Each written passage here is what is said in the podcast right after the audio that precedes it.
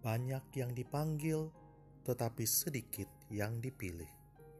Injil Matius pasal 22 ayat 14. Saudara-saudaraku terkasih, secara jujur harus dikatakan bahwa pandemi ini telah mempercepat atau memperparah kemunduran beriman dalam gereja.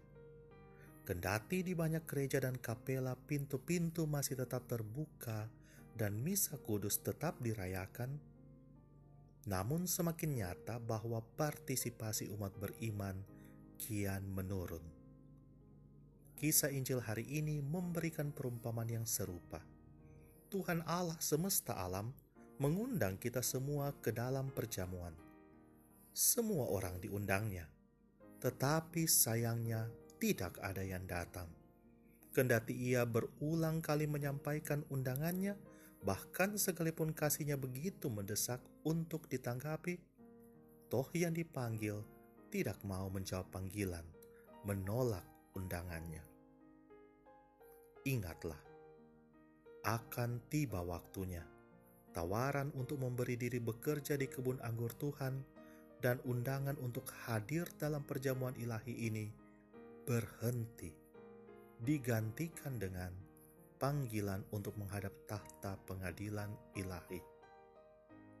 Akan tiba waktunya, hakim yang adil akan menuntut pertanggungjawaban dari kita. Celakalah mereka yang didapatinya tidak berbuah, tegar hati dalam kebebalan, tidak mengacuhkan panggilan sucinya, tidak mau menyangkal diri dan menolak tuntutan salib Berbahagialah mereka yang didapatinya bertekun hingga akhir dalam ketaatan dan kesetiaan kepada kehendak Allah, merangkul salib, serta menghasilkan buah-buah melimpah demi kerajaan surga. Berbahagialah mereka yang mempersembahkan seluruh hidupnya kepada Allah.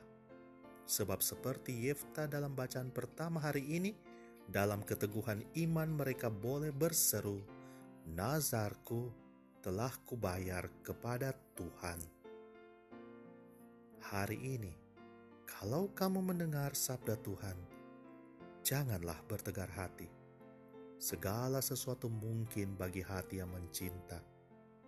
Rohnya memampukan, rahmatnya cukup.